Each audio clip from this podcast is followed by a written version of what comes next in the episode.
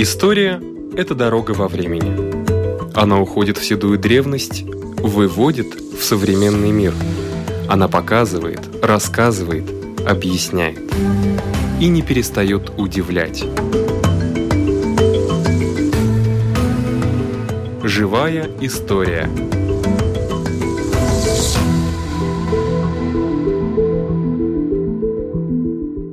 У микрофона Лидия Чера.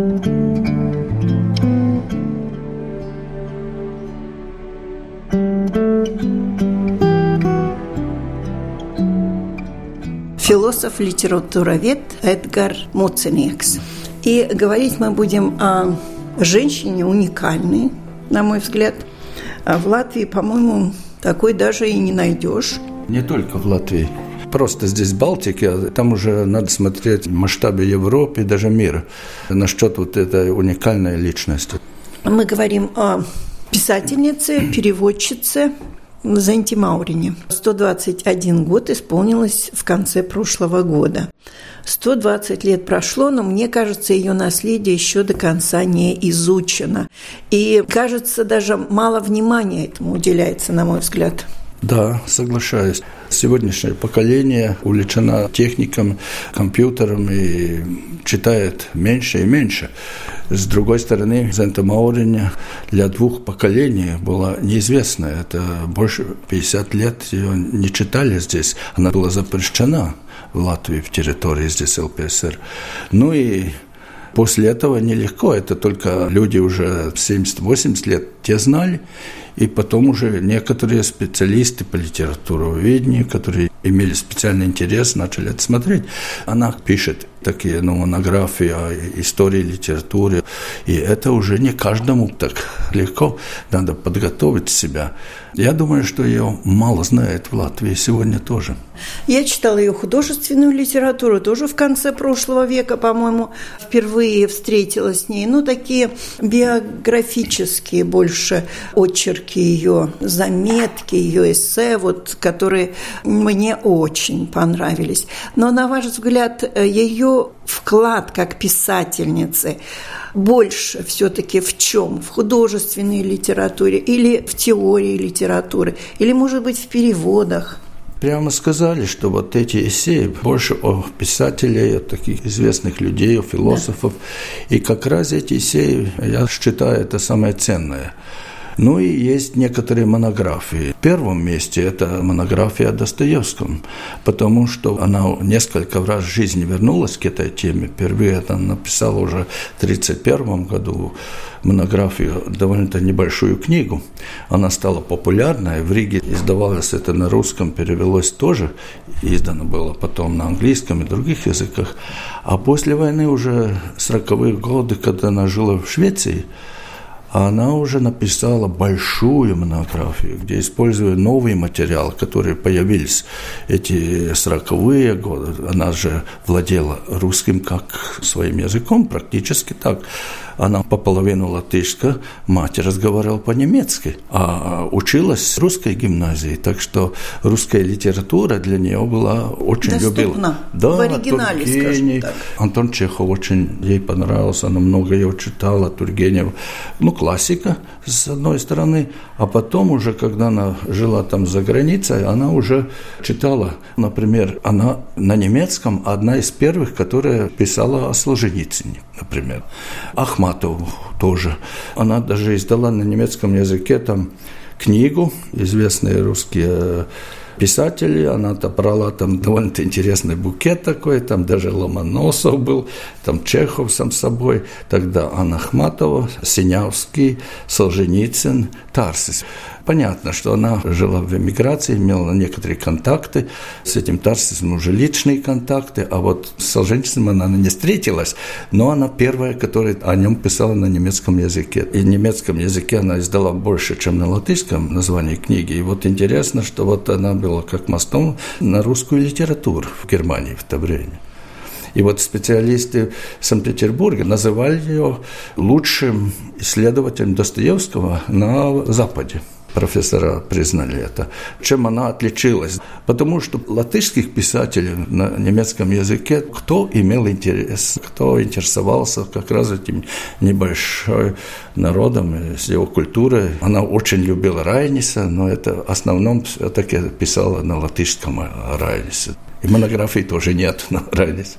И, безусловно, этим мостом служила не только ее литературная деятельность, но и письма, которые она писала, и она с очень многими выдающимися людьми поддерживала такую переписку это же необходимо было, потому что она все-таки на этом кресле, когда она не могла самостоятельно передвижаться, она... Ну, инвалид, э, да. Да, там же компьютера не было, и возможности были только с почтой. Так что молодости она даже с известным писателем, как Ромен Ролан, переписалась.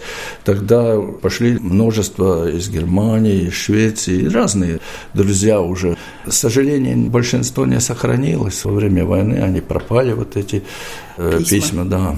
Но вы знаете, что несколько лет назад недалеко от ее дома нашли железный сундучок с письмами как раз Сент и Маурине. Правда, до сих пор я не знаю, расшифровали их или нет, потому что, к сожалению, железо все-таки оно ржавеет. Не было тогда пластиковой ленты или пластикового мешочка, в котором можно было бы спрятать. Ну да, Мауриня, э, муж э, ее Раудове не были специалистами, как разведчик, которые умели бы правильно да, его сохранить. сохранить. Они просто такой ящик положили, там завернули газетами. Ну и часть этих материалов потеряны. Невозможно восстановить. Невозможно. Есть, которые в плохом состоянии, и есть удовлетворительном. А вы их видели вообще воочию? Да, да. я видел, смотрел смотрел это место, и как это, что это на Кулдыгас с улицы 50, там она жила до 44 -го года, и там до они даже... да? Да, они купили маленький такой кусок земли, хотели свой домик там строить, и в этом месте как раз зарыли это материал. Память оставили о себе. А как вам ее почерк? Ну, почерк трудно читается, потому что она не опиралась на ногах и на локтях, когда держалась. Очень трудно ей писать было, потому что большинство ее работ написаны, когда она диктовала секретарше, которая на машинке сразу вот писала. Она сделала маленькие заметки, э, блокнотик, а потом уже это говорила, эту тему, и это было написано, потом она исправляла вот этот текст, и так большинство работ не с рукописи, а вот как раз она диктовала секретарше. А письма тоже диктованные? В основном все-таки да. Еще, когда молодая была, она могла еще написать. Позже было очень трудно. Ведь сидеть разрешили от часа до двух в день, остальное надо было лежа. Но она это не делала, свое здоровье испортила. Да, ну, закончив университет, это же было в то время даже то, что женщиной она была, это уже было уникально. Да, и она должна была платить, чтобы перенесли с одной аудитории на другую все-таки ее. И даже у входа не было возможности подниматься на коляске, там его на руках носили. Mm-hmm. Это надо было оплатить, и она не была в это время такое материально самостоятельная. Трудно было это сделать, а друзья помогли, а потом же докторскую диссертацию. И всю свою жизнь она зарабатывала как раз своим знанием, что она писала статьи, книги, и на эти деньги она жила. Отец был уже стареньким и уже не мог помочь. И когда она за границей жила, довольно просто жила. Но первое высшее образование она получила в Латвийском университете. Не только, она докторскую Одна из первых, тоже. по-моему. Да, да, по этой специальности она была первая. Она начала студии по специальности философии, а потом перешла в филологический факультет, это кончила, и уже потом готовилась к докторской диссертации. Впервые она попробовала Хайдельберге, в Германии, там здоровье у нее ухудшилось, и она, наконец, в 1938 защитила в Риге свою докторскую диссертацию. А дальше она продолжала обучение или на этом остановилась, и она уже занималась только писательской, переводческой деятельностью? Знаете, это время, так и ректор сказал, что больные люди не могут работать в университете. И некоторое время, когда министром был Райнис, она получила место в институте педагогическом. Год она проработала, и потом вернулся этот доцент, и она потеряла это место. Райнис не был уже министром, и так что ее просто не давали работу. В это время не было принято, что инвалид может работать профессором в университете или доцентом. На ваш взгляд, почему они эмигрировали? Она видела в 1940 году, что многие из латышских писателей все-таки были репрессированы, и она писала основном о Ницше, разных таких философов, писателей Запада, и она поняла, что в 1940 году ей запретили эти темы писать, так что она поняла, что такой возможности работать над темами, которые ей нравятся, она не сможет. Ну и она решилась. Она не была ни богатым, не имела владения какие-то, арендовала квартиру, но она решила, что нет другой возможности, чтобы свободно работать, она должна мигрировать. Это нелегко было, потому что сперва она все-таки много лет проводила в Швеции. Упсал – это трудный период, потому что менталитет вот этого северного народа не был близок ей, и язык не был. Она могла свободно на русском, на немецком, на латышском, но шведский она так не выучила, чтобы лекции. Она лекции не читала, она говорила, она так свободно говорила, и она имела очень большой успех как лектор но только вот да. как раз на этих языках, латышском, немецком и на русском тоже. Ну и интересно, что вот в Германии, когда вернулась, она как лектор объездила и Швейцарию, и побывала в Австрии и по всей Германии. Ее лекции были очень популярны, много людей ходило. Она говорила о проблемах этики, о смысле жизни. Это после войны вот эти темы, которые пережили, все это люди ходили, особенно женщины много ходили. 400, 300 полные залы были. И это время как раз много покупали ее работы на немецком, и она могла на этом жить. Кроме этих эссей, она написала семь книг о своей жизни – такие воспоминания, как бы дневники, некоторые книги. И это я понимаю так, что она хотела сама ставить такой рассказ о своей жизни, чтобы другие там уже не мешались. Да, потому что сама ее личная жизнь была довольно сложная. Хотя она была и замужней женщиной, и очень любила, по-моему, своего мужа, насколько я могу судить. Но все-таки полноценной супружеской жизнью это назвать все-таки трудно. Ну да, муж ее происходил из Латгалии, там близко граница. Как раз много русских жило. Это бывшая Витебская губерния. Он тоже очень хорошо знал русскую литературу, культуру, но особенно интересовался испанским языком и некоторое время жил в Испании. Лично знал философа Унамуну, и даже переводил Дон Кихота и многих книг из испанского языка на латышском. И он был на 12 лет моложе. Ой, он был красавец. Да, как ну, мужчина. Э, ну, Судя по фотографиям, э, конечно. Э, да, ну, женщинам он нравился. И там даже вот, когда они уже сошлись с Зентой Маурней, он и объяснил, что это женщина его мечты, что он как католик почувствовал, что он должен служить ей не просто так, а вот служить, помочь ей, трудности ее жизни – но с другой стороны, ему и другие женщины нравились. Это была проблема. Маурения не сразу смогла с этим смириться. смириться. Все-таки там были на стороне и дочка нему, и даже несколько детей. Со временем она поняла, что самое главное, что он должен быть с ней, что он считает такой целью жизни ей помочь, ведь никогда его не бросил до конца своей жизни. Он же умер 4 года раньше Маурини, хоть был 12 лет моложе. Да, вот как странно жизни складываются. Да, он интересовался установить контакты с умершими людьми. Медиум. Медиум, да. И по психологии он уже был авторитетом. Он был членом этих организаций и в Великобритании, и Италии, и Ватикан поддерживал его. Эти пробы, да, исследования, исследования да. Так. Но Мауриня как-то на это смотрела так, ну, если хочешь, занимайся, но она была такой рациональным человеком и как-то до конца не приняла это все. Скажите, кто-нибудь занимается еще изучением наследия Зенты Маурине? Думаю, что сейчас она все-таки в программе изучает и в вузах, и, и даже в программе в школе есть и которые уже больше увлечены в литературе, а находят и даже удивлены, насколько там интересные вещи открываются, что можно найти. Все-таки наследие очень большое. Всю жизнь она писала около 35 названий на латышском и то же самое на немецком языке. Некоторые не переведены даже на латышском языке. Так что наследие очень большое. Но она довольно-то разная. Есть романы тоже.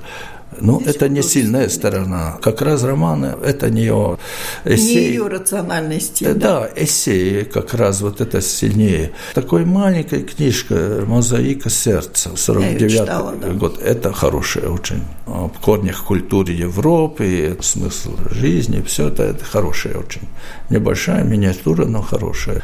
Ну и такие несколько книг очень популярных есть. На Швейцарии издали даже такие карманные маленькие книжки, там афоризмы, все, что можно в метро или что вы видите, посмотреть. И в Германии издавались карточки, и на календарях были такие высказывания Маурини. Даже до сих пор Мемингене есть маленький городок, там издательство, которое издавало большинство Маурин. Работы до сих пор издает там в календарях и так Маурин эти мысли. В Маурине всегда находят люди, которые уже интересуются с литературой, вот немецкой, с философией, литературой философии, те находят интересные мысли. Думаю, что основные работы все-таки продержатся в истории культуры много лет, потому что эти такие не меняющие ценности. Просто сегодняшний ритм жизни, это ориентация на все практическое, как-то нас от этой истории культуры, вообще культуры отодвинуло. Но Маурине все-таки это очень большая ценность. Нет только для латышей. Спасибо. У нашего микрофона был литературовед, философ Эдгар Муцинекс.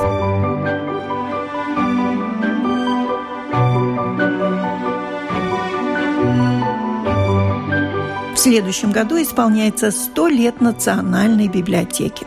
Программа «Живая история» предлагает цикл сюжетов о раритетах, которые там находятся. Итак, заглянем в хранилище редких книг.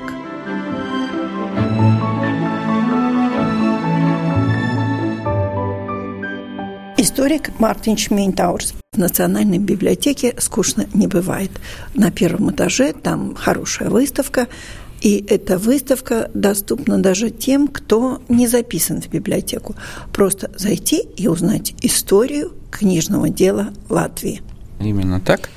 Выставка – это наша часть тех мероприятий Национальной библиотеки, которые посвящены широкой публике, как вы уже сказали. Каждый посетитель библиотеки может там запросто зайти и посмотреть, и узнать такие вещи, которые он или она не узнает нигде, ни в каком другом месте или ни в каком другом музее даже. В музее истории Риги и мореходства тоже есть, конечно, некоторые эпизоды, некоторые материалы по истории культуры, которые касаются также истории книжного дела, но задача Национальной библиотеки, конечно, наиболее обширно и полно освещать всю эту историю книжного дела в Латвии. Ну, история начинается, как и в остальной части Европы, в принципе, со средних веков. В самом начале этой экспозиции есть э, небольшая часть, которая посвящена истории материалам, на которых воспроизводилась информация, которую мы сейчас называем книгой, то есть и древние книги из папируса, и всякие другие, которые более связаны с античным миром или даже с Древним Египетом и более древними цивилизациями. Образцов которых у нас, конечно, в этой части Европы, к сожалению, нет, но зато у нас имеется не только информация о том, как в средневековую Ливонию попадали первые манускрипты, первые рукописные книги, которые использовались уже с XIV века для богослужения в католической церкви, но есть также древние книги, манускрипты, которые отчасти к нам в Национальную библиотеку попали из другой старинной библиотеки Латвии, то есть из академической библиотеки Латвийского университета, в которой хранятся тоже уникальные уникальные печатные издания и рукописные книги. И наши коллеги из Академической библиотеки Латвийского университета одолжили или депонировали нам на эту выставку часть своей уникальной коллекции самых древних книг, которые у нас в Латвии сохранились и имеются. Есть какая-то определенная книга, которая может считаться первой книгой, изданной в Риге? Первая книга, изданная в Риге в начале XVI века, градоначальники Риги пришли к выводу, что Рига как большой торговый город и как центр Восточной Прибалтики, она должна иметь свою городскую типографию и свое городское издательство. И в итоге этого у нас появился книга печатник из Голландии, из Нидерландов тогдашних, это Николай или Николаус Моллин – который и был первым основателем типографии в Риге по заказу городского управления, по заказу муниципалитета. И задача Николая Моллина была печатать те тексты, которые были нужны для городского развития. Это значит, что в типографии Моллина печатались как такие документарные источники, когда муниципалитет Риги хотел о чем-то сообщить или своим жителям, рижанам, или тоже такая интересная книга, которая содержит первый топографический план или первую в современном смысле карту города Риги и окрестностей. Это такой сборник документов, который был опечатан уже в 17 веке, в 1622 году, когда муниципалитет Риги был вынужден оправдываться перед польским королем о том, почему Рига сдалась после шведского наступления и окружения города, которое продлилось несколько месяцев в 1621 году, и почему Рига не смогла выстоять и перешла на шведскую сторону. И после уже того, как это случилось, Рижский муниципалитет решил напечатать такую переписку с военными начальниками королевства польско-литовского и свое оправдание о том, что мы э, ничего не смогли сделать, мы были вынуждены сдавать сдаваться, потому что уже началась чума в городе осажденном и разные другие проблемы и несчастья, которые напали на город. И в этой книге содержится первая топографическая карта, которая показывает в изображении, как выглядело это осаждение Риги, как со стороны Даугавы зашла тут шведская флотилия, подошла к городу, и со стороны материка, со стороны правого и левого берегов Риги. Это такой тоже один интересный экземпляр. У нас несколько экземпляров этой книги, один из них и находится в этой выставке вместе со всей картой. Но, в принципе, первый первые книги, которые печатались именно в Риге, это 30-е и 40-е года XVI века. Это книги в основном уже по литургии протестантской, то есть по литургии лютеранской конфессии, потому что Рига в начале XVI века уже перешла в сторону лютеранства при средневековой Ливонии еще до раздела Ливонского государства. Но если говорить о шведских временах, то это было время расцвета. Мы можем, да. конечно, спорить, но в принципе расцвет был. Расцвет экономики, культуры и, наверное, книгопечатания тоже. Книгопечатание тоже. Но что касается этого расцвета, то мои коллеги, историки, которые работают как раз со, шведскими, со шведскими временами, они бы, наверное, с нами поспорили на эту тему, потому что это такое представление о добрых шведских временах, которое перешло к нам еще с 20-30-х годов, когда латышские историки стали этой тематикой заниматься, ездили в Швецию, сидели в архивах и занимались шведским управлением Риги и Лифлянской губернии тогда в 17 веке. И действительно, конечно, там были со стороны шведского государства разные попытки реформирования об системе образования для крестьян и также системы управления этой территорией Лифлянской губернии. И, конечно, всегда напоминается о том, что в XVII веке самым большим городом Швеции была Рига, которая была в два раза больше по количеству жителей, чем Стокгольм. В Риге тогда было 10 тысяч жителей, это довольно огромное число для города 17 века. Действительно, это все так. Но, конечно, 17 век был, может быть, немножко добрее, если так можно сказать, сказать, по внешним обстоятельствам, потому что войн происходило меньше, чем сто лет тому назад, чем в XVI веке, когда была реформация, Ливонская война, которая длилась поэтапно почти полвека с какими-то перерывами. Но 17 век это тоже довольно сложная такая эпоха, но для Риги это, конечно, период расцвета именно потому, что Рига воспользовалась транзитной торговлей лесоматериалов и другого сырья, который сплавлялся вниз по Двине к Рижскому порту и потом уже шел на экспорт. Там и зерно, и древесина, и, и всякие сельскохозяйственные товары и сырье, в которых нуждалась э, Западная Европа и Швеция в частности.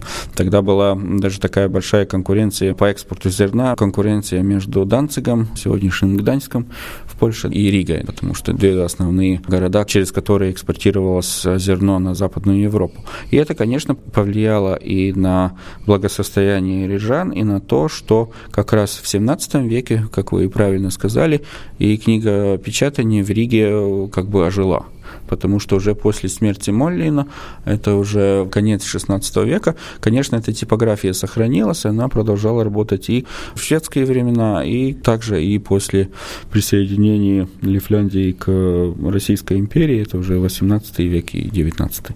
Хочется надеяться, что учениками Моллина были и латыши. Да, об этом тоже писалось где-то в 30-е годы, когда была такая мода в историографии везде искать латышские корни и в Риге, и в убранстве сельских церквей в Курляндии и так далее, и так далее. Профессиональных мастеров искали то, тоже с латышским происхождением и так далее. Ну, конечно, там были и латыши, но надо тоже помнить о том, что этот 17 и 18 век, они могли быть выходцами из латышского населения Риги или окрестностей, но они довольно быстро перешли, как э, говорилось тогда, в немцы, потому что вся эта образованная часть рижского населения, между собой они разговаривали на немецком, у них образование тоже было у тех, у которых было высшее или профессиональное техническое образование, также в 17, 18 и в 19 веках, они в основном это образование получили на немецком языке. Или позже уже здесь, когда в 19 веке основали Рижский политехнический институт, или в Дербском Тартовском университете в Эстонии, или где-нибудь в Германии получили образование. Но по архивным данным есть такие сведения, что действительно там там э, были среди деятелей этой рижской городской типографии выходцы из латышского населения города. Так.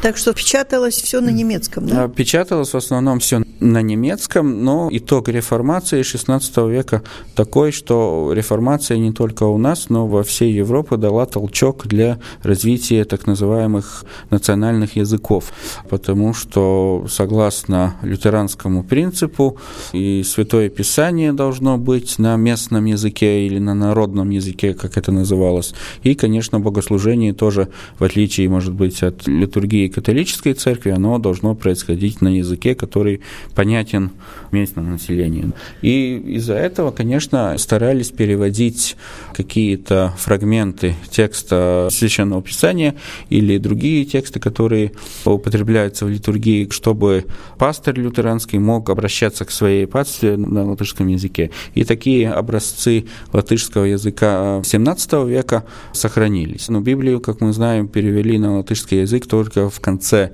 17 века, это 1698 год, кстати, тоже на казенные деньги шведского короля, но это меньше связано с Ригой, конечно, больше с Алвуксной, с Эрнестом Глюком и с Мартой Сковоронской, которая потом попала на трон Российской империи, но это другая уже история, не менее занимательная. Но есть сведения о том, что первые образцы текстов на латышском языке были изданы уже в начале XVI века, несколько лет до начала реформации в Европе. И первые такие тексты печатали как раз представители католической церкви. Но эти тексты до нас не дошли, они не сохранились. Сохранились только сведения о том, что был катехизм на латышском языке, то есть такое краткое содержание Святого Писания и так далее, и так далее.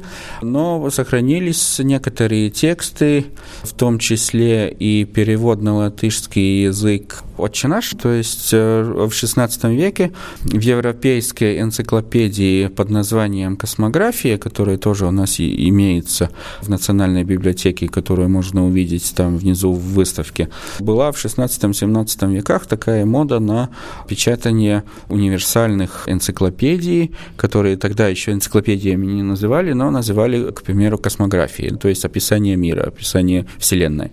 Но это описание Вселенной, это не астрономия, но это описание стран и городов, и государств, тех, которые были известны географам XVI века. Ну вот э, в одно из таких изданий в космографии попала и Ливония средневековая, это уже 1547 год, когда впервые Ливония попадает в эту энциклопедию.